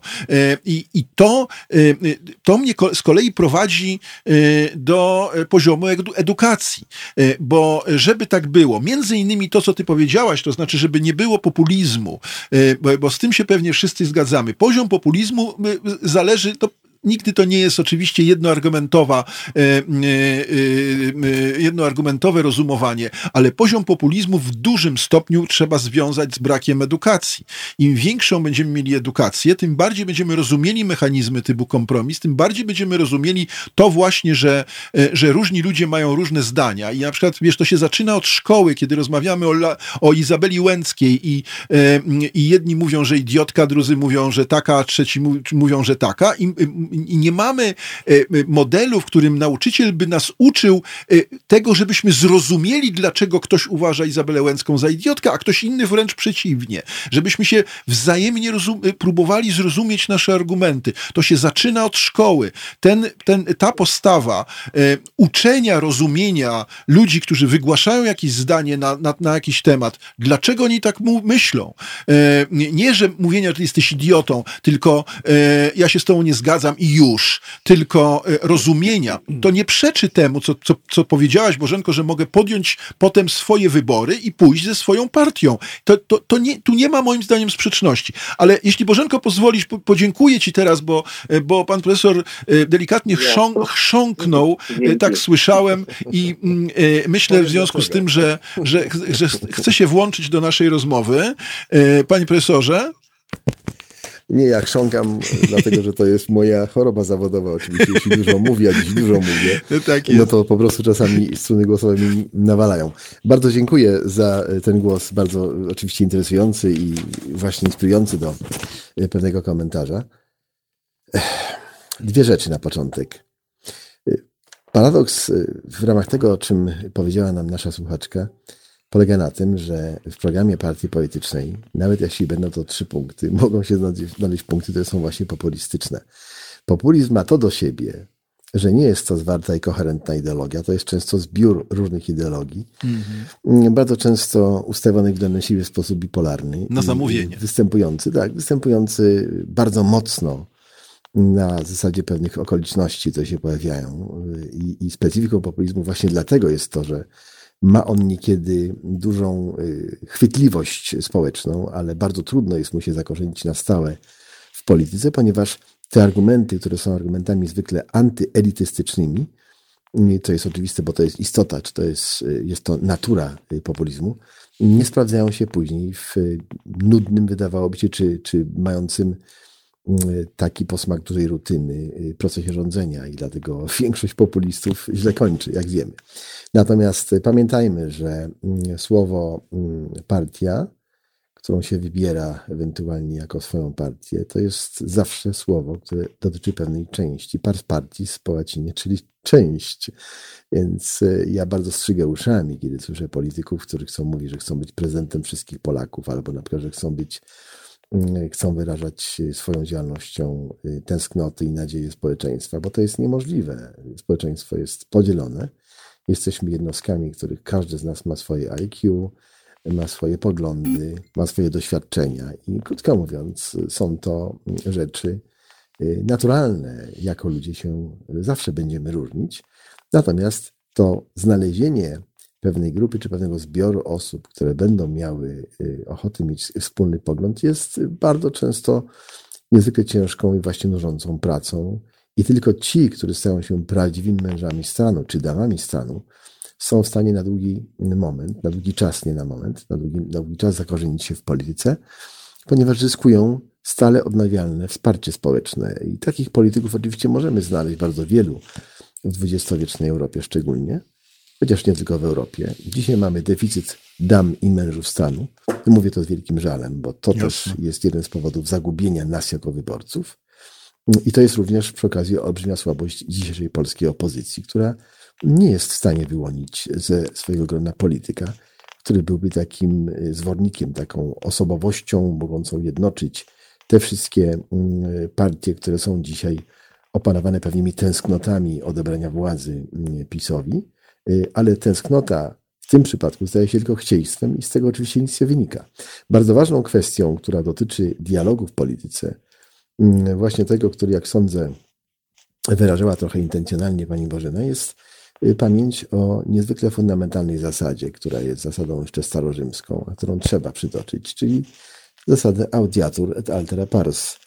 Nie, ma y, mowy o tym, aby móc wypracować wspólne stanowisko, które może mieć znaczenie, no powiedzmy sobie, transgeneracyjne czy transstratyfikacyjne, bo to też jest ważne, bez respektu dla tej zasady. Słabością na przykład polskiej polityki jest y, stosunkowo nieduży szacunek dla poglądów mniejszości. Proszę zauważyć, jak bardzo dużo się dzisiaj pojawia argumentacji y, opartych niestety na przesłaniu nienawiści wobec tych, którzy są inni, wobec na przykład y, ludzi LGBT. Kiedyś było to związane z y, na przykład mniejszościami narodowymi czy etnicznymi, chociaż to się też przecież pojawia, zwłaszcza w kontekście Romów. Do dzisiaj ta sytuacja istnieje, więc jeżeli demokracja ma być naprawdę dojrzała, to musi ona stworzyć instrumenty, w których prawa mniejszości będą podlegały ochronie. Ochronie przez to państwo, które istnieje, które ma zwarte przepisy prawne i to takie przepisy, które nie są w sposób koniunkturalny zmieniane tylko dlatego, że ktoś inny obejmuje w danym momencie władzę. Mam na myśli szczególnie takie przepisy, które nas dotyczą y, w działalności poszczególnych partii na bieżąco. I skoro Pan wspomniał o kompromisie, no to oczywiście muszę przejść na ten, y, nazwijmy to, poziom, który mnie szczególnie interesuje, czyli odwzorowania pojęcia kompromisu w konkretnych realiach politycznych. Mhm. Takim kompromisem opartym na konsensualizmie jest właśnie zachowanie bardzo wielu polityków i partii w systemach skandynawskich, ale kompromisem, który został osiągnięty na kanwie y, wielowiekowych, często bardzo dramatycznych i traumatycznych doświadczeń konkretnego narodu, to jest oczywiście Szwajcaria. E, system e, złotego środka, szukania tego, co może być kompromisem właśnie w tym społeczeństwie, przecież był poprzedzony zarówno wojnami religijnymi, wojnami między e, chcącymi się uwolnić od obcej dominacji, w tym przypadku habsburskiej, górali szwajcarskich. Były to sytuacje, w których nie akceptowały się dwie główne religie, czyli kalwinicka i y, katolicka na tym obszarze. To wszystko trwało przez pewien czas, miało fatalny posmak z perspektywy również kondycji tamtejszego społeczeństwa, aż udało się stworzyć pewien model funkcjonowania państwa, w którym języki nie dzielą, a łączą, w którym mogą łączyć również elementy religijne, w którym mogą łączyć wbrew pozorom, poglądy polityczne, no bo jeśli przyjmiemy, że jedną z fundamentalnych zasad kompromisu szwajcarskiego jest to, że tylko największe partie, ale one muszą być stabilne i muszą mieć y, okrzepniętą rolę w danym społeczeństwie, w tym przypadku szwajcarskim, że te główne, przede wszystkim cztery partie, tworzą później rząd zwany Radą Związkową i w ramach tego rządu musi być poziom czysto polityczny, musi być poziom religijny, musi być poziom językowy, i musi być poziom także przestrzenny, czy też regionalny. Jak wiadomo, no, w ramach siedmioosobowej Rady Związkowej w jej skład powinny wchodzić e, wszystkie te osoby, które te trzy poziomy, które wymieniłem już, reprezentują, a jednocześnie no, byłoby idealnie, żeby każdy kanton miał swojego przedstawiciela, co jest z kolei niemożliwe, ale to się dokonuje na zasadzie rotacyjnej. Natomiast dwa kantony zawsze są tutaj uprzywilejowane, czyli Berno i Zurich. Ale ta formuła została osiągnięta dopiero po setkach lat negatywnych doświadczeń, opartych także na wojnach, rozumianych w sensie dosłownym, i dojście do pewnego kompromisu wymagało, mówiąc krótko, wzajemnych koncesji. Koncesji, które zostały osiągnięte i co ważne, które uzyskały gwarancję zewnętrzną, no bo pamiętajmy, że doktryna wieczystej neutralności szwajcarskiej, potwierdzona w Konstytucji z 1800 1974 roku w zasadzie nigdy nie została odwołana. To jest taki przykład państwa demokratycznego, które ma oczywiście też swoje ciemne strony. Przypomnę zachowanie Szwajcarii w mm. okresie II wojny światowej, gdzie tak przepuszczano przez transporty z y, Żydami transportowanymi do obozów zagłady właśnie przez to państwo. Ale generalnie, pomijając te y, negatywne strony y, realiów politycznych tego kraju z perspektywy ostatnich kilkudziesięciu lat, trzeba powiedzieć, że to jest unikatowy przykład również stworzenia czegoś, co już mnie szczególnie interesuje jako naukowca, czyli takiej formuły na naród czysto polityczny, nie naród etniczny, nie skłócony na kanwie właśnie językowej czy religijnej, tylko naród, w którym te wszystkie elementy mogą ich łączyć, a nie dzielić. Być może właśnie dlatego, że jest to przykład unikatowy, nie udało go się nigdzie, gdzie indziej y, w sposób przynajmniej częściowo podobny prowadzić, chociaż Oczywiście próby takie były dokonywane tu i tam. Mhm. Y, bardzo dziękuję, bo rzeczywiście ta Szwajcaria jest, jest tutaj y, bardzo instruktywna. Ale mm, tak mi przyszło do głowy, panie profesorze, jak pana słuchałem, czy to nie jest też tak, y, że mm, gdzieś y, istotną rzeczą jest y, coś, co u nas chyba nas jakoś odróżnia od Szwajcarów, w tym sensie, że mam na myśli taką, taki, takie poczucie podejrzliwości, tak? To znaczy takie poczucie, no pewnie trochę uzasadnione niestety, ale takie poczucie, mm, że mm, ktoś chce nas wyrolować, tak? To znaczy, że kompromis nie jest po to, żebyśmy się dogadali, żeby nam wszystkim było dobrze, y, y, tylko kompromis jest efektem tego, że ktoś chce nas oszukać, że ktoś chce nam coś zabrać i tak dalej, i tak dalej. Dlatego ukuliśmy formułę zgniłego kompromisu, która tak. jest mhm. formułą moim zdaniem negatywną. Ona mhm. nie powinna być odmieniana i przypominana, ponieważ kompromis nie musi być zawsze elementem, y, jak wiem, zgniłych relacji między tymi, którzy do, go zawierają. Y, trzeba szukać takiego kompromisu, który będzie jednak zadowalał wszystkie strony, które się będą czuły odpowiedzialne za to, żeby ten kompromis mógł funkcjonować. I tu się z Panem zgadzam. My nie jesteśmy narodem, y, mówię to z żalem, w którym widać byłoby jednoznaczną i ostateczną chęć ku temu, żeby takie, a nie inne wnioski, w tym przypadku pozytywne oczywiście, z historii wyciągnąć mm, i odejść od pewnej recydywy, powtarzalności błędów, które są, no niestety, w bardzo silnym stopniu splecione z naszą y, naturą jako, mhm. jako narodu. Ja wiem, że zaraz spotkam się z zarzutami, że dokonuję pewnych uproszczeń, generaliów, że właściwie trudno czasami mówić o tym, że czy jest coś takiego jak charakter narodowy, ja uważam, że jest, że mamy do czynienia z pewnymi cechami, które są bardzo typowe i bardzo przytłaczająco występujące, jeśli chodzi o ich skalę w ramach poszczególnych narodów, ale tym, co najbardziej mnie martwi z perspektywy doświadczeń polskich, jest cykliczność powtarzalności pewnych błędów, jest niechęć do mm, kształtowania dobrego wizerunku nas jako narodu mieszkającego w konkretnym państwie. Na przykład dlatego, że bardzo chętnie chcemy utopić w łyżce wody naszych przywódców, którzy się w jakimś momencie stają sztandarowi, ale potem okazuje się, że z takich czy innych powodów takimi osobami przestają być. Mam na myśli mm, przede wszystkim oczywiście Lecha Wałęsa, który przecież mm. jest odbierany jako ikona na zewnątrz, ale przecież już nie w Polsce.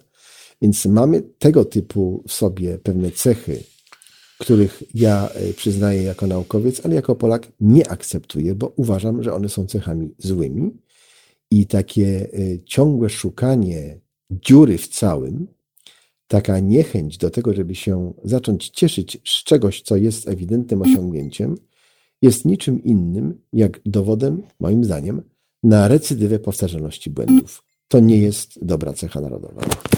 Znaczy, jak mi miał skomentować, czy miałbym dołożyć, to bym powiedział w ten sposób, że y, no to rzeczywiście jest taki nasz y, grzech pierworodny w stosunku do władzy i ja to mówię od 30 już prawie lat, y, nie no, ponad 30 lat, że to, co mam do zarzucenia Polsce III Rzeczpospolitej po po 89 roku, to jest przede wszystkim to, że nie zrobiliśmy tego, co powinniśmy zrobić w pierwszym rzędzie. Nie wiem, czy pan profesor się ze mną zgodzi, to znaczy wzmocnić pojęcie państwa jako naszego państwa, przewartościować pojęcie państwa, spróbować dokonać bardzo trudnej, bardzo trudnego dzieła przekonania, że państwo teraz już naprawdę jest nasze, a nie od nas zależy, a nie obce. Tego nie zrobiliśmy, nie wzmocniliśmy tego, a potem zaczęliśmy to też kompromitować, czyli w dalszym ciągu mamy wrażenie, mamy takie myślenie kategoriami, że ktoś nam coś zabiera, ktoś nas oszukuje, ktoś ukradł, szukamy raczej złodziei. E, pewnie gdzieś oni są, ci złodzieje. Problem polega na tym, że nie ma tej, tej, tej, tej takiej prostej odpowiedzi, że ich nie ma, bo zaraz ktoś się naraża na to, że, że, że oczywiście mówi właśnie uproszczenia, bzdury i tak dalej, i tak dalej, wyciąga jakiś przykład, ale e, e, myślenie kategoriami ciągle, że ktoś nam bruździ, czy to są dawniej koledzy ze Związku Radzieckiego, czy to jest, y, czy to jest, y, czy to są sklepy wielkopowierzchniowe, czy to jest y, kasta taka, czy inna, czy to są oszuści z karuzeli watowskiej, czy, no, czy teraz w ostatnim enuncjacjach, czy sugestiach premiera, że być może są to raje podatkowe, które są winne wszystkiemu złemu i tak dalej, i tak dalej, i tak dalej. Mamy takie trochę przyzwyczajenie, żeby szukać winnych poza sobą, to co, co, co, co wydaje mi się i, i nie szanować zarówno państwa, jak i prawa. Nie rozumieć, że państwo i prawo to są struktury, e, które mają nam służyć do naszego życia społecznego, tak? E, to, to, to jest, e, to, to wydaje mi się, że to jest to i jeszcze bym dołożył do tego, do tego kompromisu drugie pojęcie, to właśnie kompromis i zgniły kompromis, czy wypatrzenie dodatnio i ujemnie, tak jak pan profesor powiedział. Ja już dość dawno w którymś z programów, jednym z pierwszych programów w Halo Radio powiedziałem, że najchętniej bym zamienił pojęcie mniej, bo to jest to ten sam mechanizm mniejszego zła e, na większe dobro. To znaczy, tak, tak. patrzmy, to jest taki paradoks, e, który wszyscy znamy, to znaczy szklanki napełnionej e, do połowy i tego stosunku optymisty i pesymisty, tak? Pesymista widzi ją napełnioną do połowy, a pesymista pustą do połowy. I tu mam takie poczucie, że powinniśmy się kierować między innymi w tym, co powiedziała Bożena. E, właśnie tym, gdzie jest większe dobro. Nigdy nie będzie pełnego dobra w kontakcie z drugim człowiekiem, nawet w relacji takiej personalnej, a już nie, nie mówiąc o partiach. E, nigdy nie znajdziemy wszystkiego, e, ale gdzieś znajdziemy większe, większą ilość tych rzeczy, z którymi się zgadzamy. Tylko, że tylko że trzeba mieć y, y, materiał, trzeba umieć te rzeczy y, rozpoznać i je zrozumieć. To jest zupełnie inna sprawa. Nie, nie przyjmować do wiadomości w całości, tylko próbować je rozpoznać. No cóż, no, dotknął Pan spraw, które są w zasadzie intuicyjnie dostrzegane.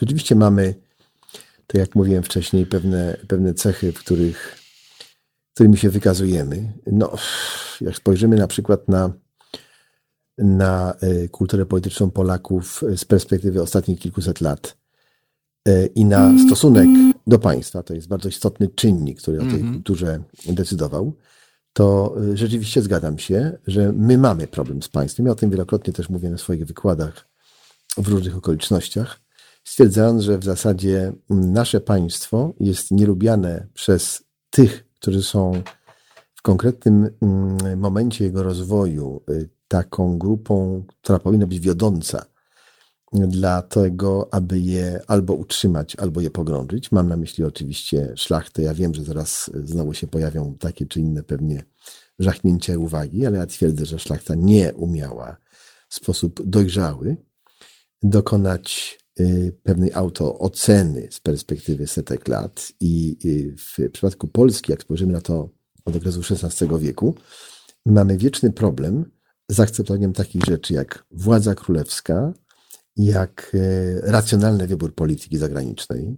Twierdzę wręcz, że zasada Palmerstona, która została przyjęta w XIX wieku przez tego w końcu bardzo ciekawego polityka brytyjskiego i dwukrotnego premiera, została w Polsce w zasadzie odwrócona, ponieważ przypomnę, że mówi ona o tym, iż interesy w polityce są stałe, a sojusze mogą być zmienne. I w związku z tym, jeżeli tak jest, to państwo kierujące się, to jest zasada oczywiście bardzo cyniczna, ja sobie z tego mm -hmm. zdaję sprawę, ale państwo, które się tym kieruje, zawsze, mówiąc kolokwialnie, i niezbyt naukowo spadnie na cztery łapy. Jest na wierzchu, tak. tak. Tak, w warunkach polskich mieliśmy sytuację inną. Myśmy byli, my preferujemy regułę semper fidelis, mm. która nam w sumie z perspektywy setek lat niczego nie dała.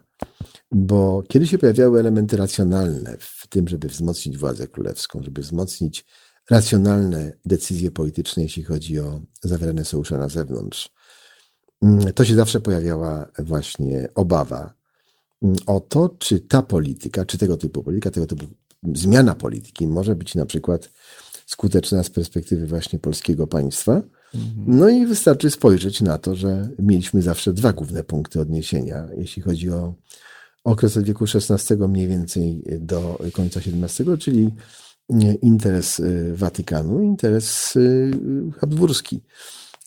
To dziwnym trafem zawsze się jakoś tam łączyło i, i, i zamiast szukać, krótko mówiąc, większej, większej, większego wachlarzu w takim postępowaniu, czy też grać na większej liczbie fortepianów, używając znowu innej metafory, myśmy się z uporem maniaka pewnych rzeczy trzymali. Dlatego w Polsce nie wyszedł eksperyment z Kościołem Narodowym, który wszędzie tam, to jest ważne, gdzie wyszedł, oznaczał w każdym absolutnie przypadku wzmocnienie władzy państwowej. W każdym. Mm -hmm. Wystarczy spojrzeć na państwa nordyckie. Y, myśmy tego nie zrobili. Myśmy mieli najbardziej genialnych myślicieli. Znowu wracam do wieku XVI na czele z Fryczem Modrzewskim, czyli ojcem polskiej yes. politologii. Mm -hmm. I jeden z najmądrzejszych umysłów w tym czasie w Europie. I proszę zauważyć, jego wspaniałe pięciotomowe dzieło De Republika Emendanda mm -hmm. nie stało się w żadnym stopniu inspiracją dla kolejnych pokoleń polskich elit politycznych, a wręcz odwrotnie. On stworzył to dzieło, natomiast w żadnym wypadku nie zostało tak. to zaaplikowane. Więc mm. mamy takich przypadków swoistej recydywy w naszym działaniu bieżącym bardzo dużo. Tak. I wchodząc na, na etap współczesny, tak, my w dalszym ciągu państwa nie lubimy, ale także dlatego, że patrzymy się na państwo jako to, które jest w jakimś stopniu, i tutaj muszę stanąć trochę po stronie y, tych, którzy państwo krytykują, czyli troszeczkę wyjść jak gdyby z mm -hmm. siebie, bo generalnie chciałbym, aby polskie państwo było silne, ale było ono silne mądrością społeczeństwa i swoich elit. Tymczasem okazuje się, że niektóre grupy polityczne, które zdobędą władzę, zaczynają dokonywać zawłaszczenia tego państwa i mm. nadużywania swojej pozycji. Tak co dokładnie mamy szansę dzisiaj obserwować. Y, panie profesorze, y, y, co do, co do pierwszej Rzeczpospolitej, to rzeczywiście już sobie ostrzę, ostrzę apetyt na inną rozmowę z panem profesorem, ale, ale na razie mamy telefon, w związku z tym bardzo chętnie posłuchamy kogoś, kto do nas zadzwonił. Halo, halo. E, dobry wieczór, panie doktorze. Waldemar z tej strony. Dzień dobry, Waldemarze. I dzień dobry, panie profesorze. Chciałem się włączyć przed pańskim wywodem i prawdę mówiąc dokładnie nie słyszałem, co pan ostatnio mówił, więc nie wiem, czy już nie, pan nie powiedział tego, co chcę powiedzieć teraz, ale chciałbym powiedzieć panom, że po prostu nie umiemy wytworzyć klasy intelektualnej, a potem jej uchronić. I to na wielu poziomach hierarchii społecznej. Ta klasa intelektualna może być nawet, nawet w grupie, y, znaczy oczywiście, że może w grupie rzemiosła, sztuki, nauki.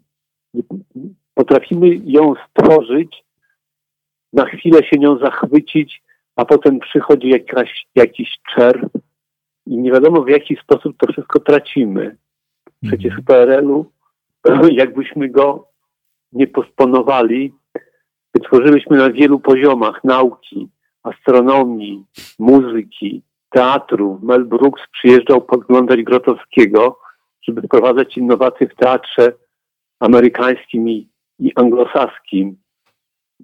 Japończycy podglądali naszych artystów, malarzy, plakacistów i tak dalej, i tak dalej. Mógłbym pomnożyć panów Ników, góreckich y, literatów i tak dalej, i tak stworzyliśmy nie, stworzyła się niezwykła, wręcz można powiedzieć w opozycji nawet do tego, co było priorytetem, niezwykła grupa ludzi, która wydawałoby się już nie jest w stanie, nie będziemy w stanie tego zmieść, tej mocy, która, którą sobie mieli, nawet politycznej, prawda, bo pa, patrząc na, na, na, na ikonę Lecha Wałęsy, ale on miał w zapleczu gigantów, można powiedzieć, którzy od, od, od, od, od, od piwnic zbudowali strukturę która wydawała nam się znowu nie do zachwiania.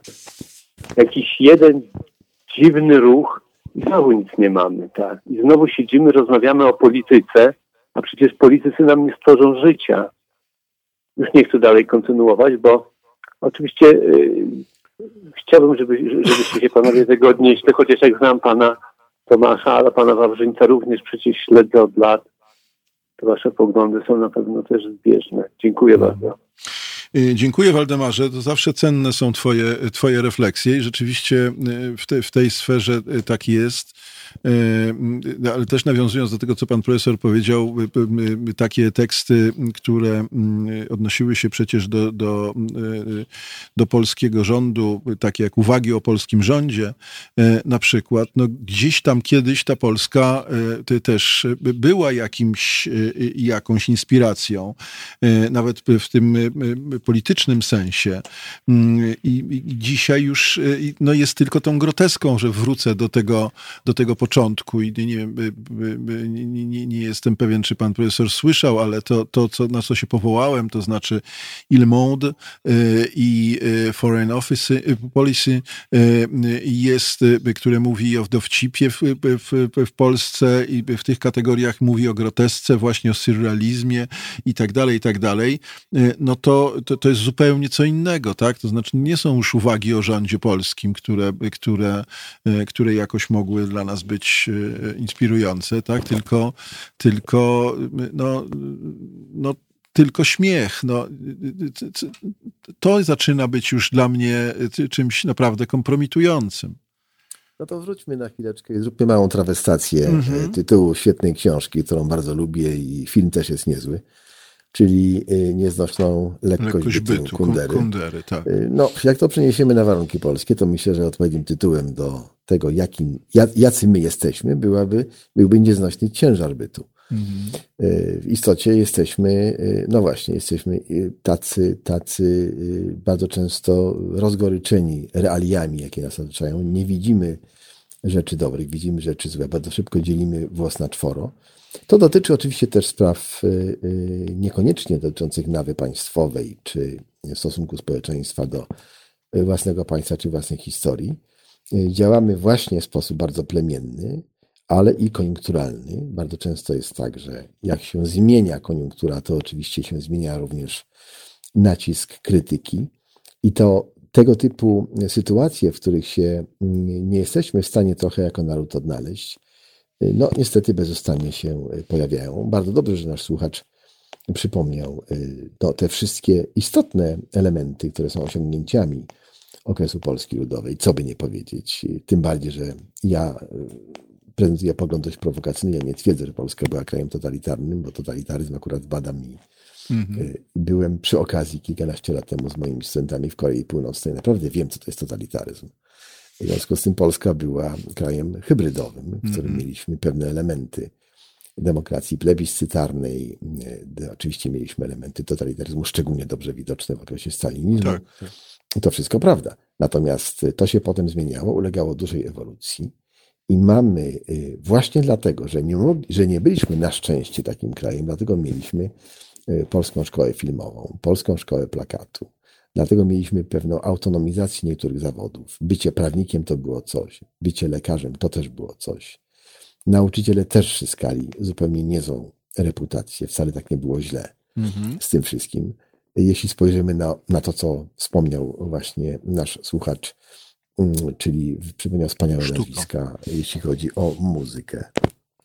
No to są ewidentne osiągnięcia, których nie można pominąć i które miały bardzo istotny wpływ na to, jak odbierany był wizerunek Polski na zewnątrz. Mhm. Z jedną tezą się do końca nie zgodzę naszego słuchacza.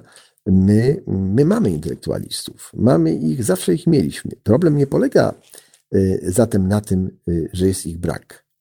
Problem polega na tym, w jaki sposób wykorzystuje się ich wiedzę, ich pozycję, czy dopuszcza się ich do współdecydowania, czy są oni traktowani jako partnerzy dla y, tych, którzy rządzą, czy też jako zbędny balast.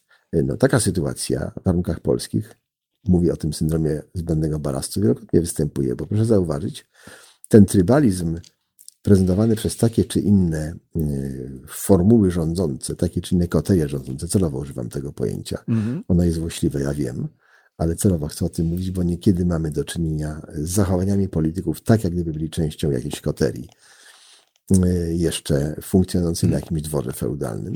Otóż taka sytuacja jest naprawdę irytująca, ponieważ albo się ma naukowców, którzy, którzy są nasi, albo się, tak. albo się, tu... a jednocześnie odrzuca się tych, którzy nie są nasi, w związku z tym nie czerpie się mądrości ze zbiorowej wiedzy tych wszystkich ludzi, którzy tworzą tę klasę intelektualną. Tu pani Więc ona istnieje obiektywnie, już kończę, ona, hmm. ona istnieje obiektywnie, ale niestety jej, y, jej y, akces, jej możliwość funkcjonowania w ramach takiej czy innej elity y, władzy jest często w sposób świadomy ograniczony. Y, tu muszę powiedzieć, troszeczkę mnie pan e, e, zmusił do, takiej, do przyjęcia takiej postawy e, dla, dla naszej dyskusji.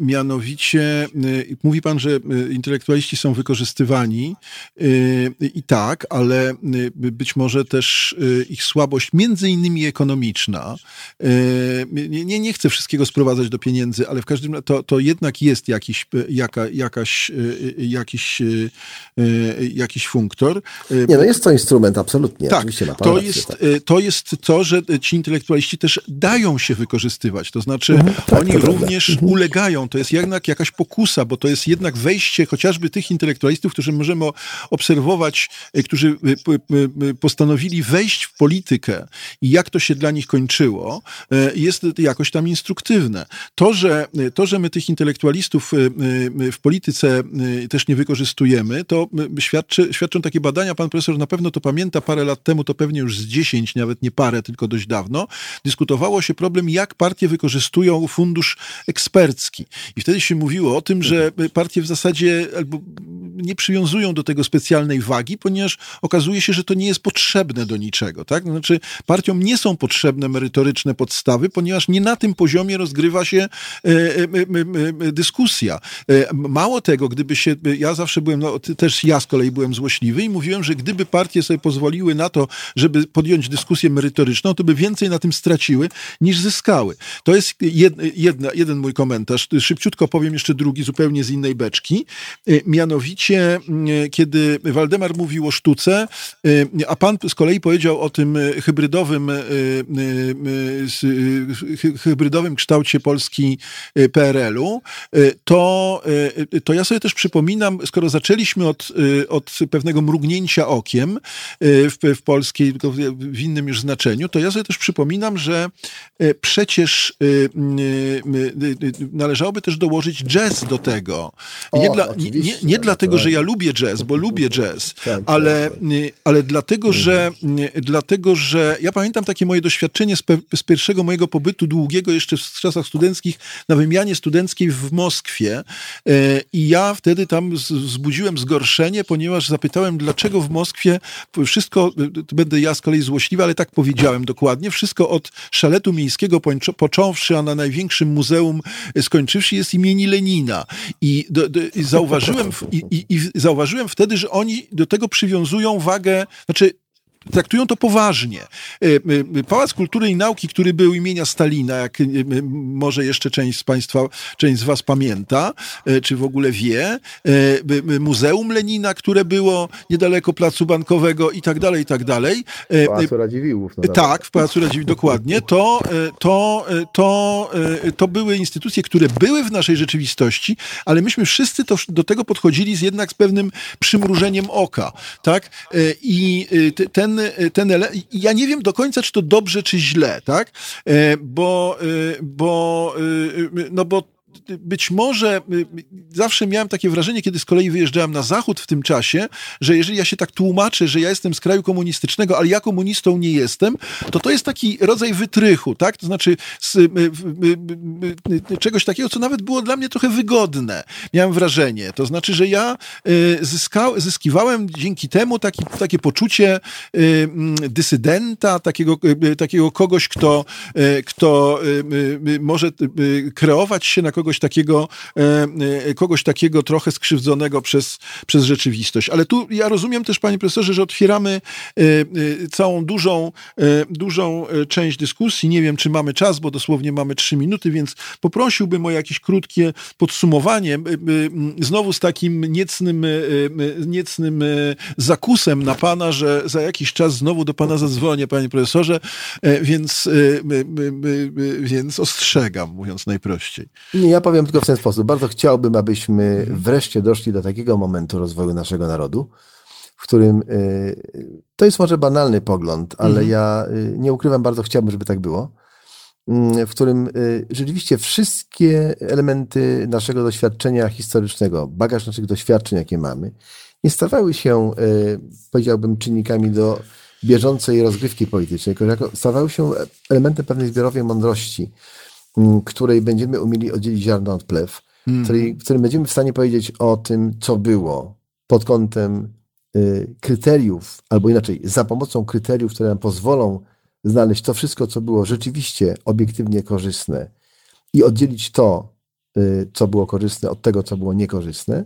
i żebyśmy nie uprawiali tego trybalizmu politycznego, który w warunkach polskich mm niestety jest y, patologiczny i w którym y, będziemy, dzieląc się, jednocześnie mogli znaleźć pewne imponderabilia, których się będziemy trzymać wspólnie.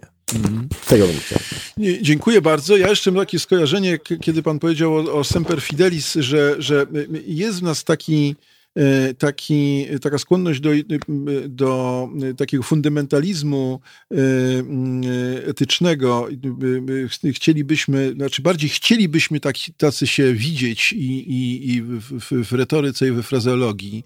Jak już pan e, się odwołał do, do pierwszej Rzeczpospolitej, to, to widać chociażby w stosunku do Stanisława Augusta Poniatowskiego, jak sądzę, ale też na przykład teraz takiej mhm. dyskusji związanej, nie wiem, z, chociażby z postawą różnie ocenianą Y, y, Jarosława Gowina, jak myślę. Y, to jest znowu kolejny temat bardzo interesujący. Dziękuję panie profesorze niezmiernie, jak, jak zawsze, za, za bardzo ciekawą rozmowę i taką iskrzącą, co jest, co, co, co ja niezmiernie cenię. Bardzo dziękuję też wam wszystkim za uczestnictwo, za bycie z nami, za komentarze, za telefony, no, za to, że jesteście z radiem. Mam nadzieję, że będziecie z radiem również jutro i pojutrze i że też pamiętacie o tym, że liczymy na Wasze wsparcie, e, ponieważ radio bez Was e, e, zarówno intelektualnie, jak i ekonomicznie nie, nie żyje. Dziękujemy Wam za wsparcie i polecamy się łaskawej pamięci. Jeszcze raz dziękuję Panie Profesorze i życzę wszystkim dobrej nocy. Ja również bardzo dziękuję za ciekawą rozmowę. Kłaniam się.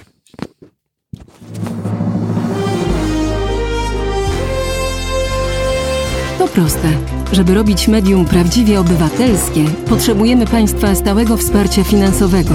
Szczegóły na naszej stronie www.halo.radio, w mobilnej aplikacji na Androida i iOS-a oraz na koncie Fundacji Obywatelskiej w serwisie www.patronite.pl.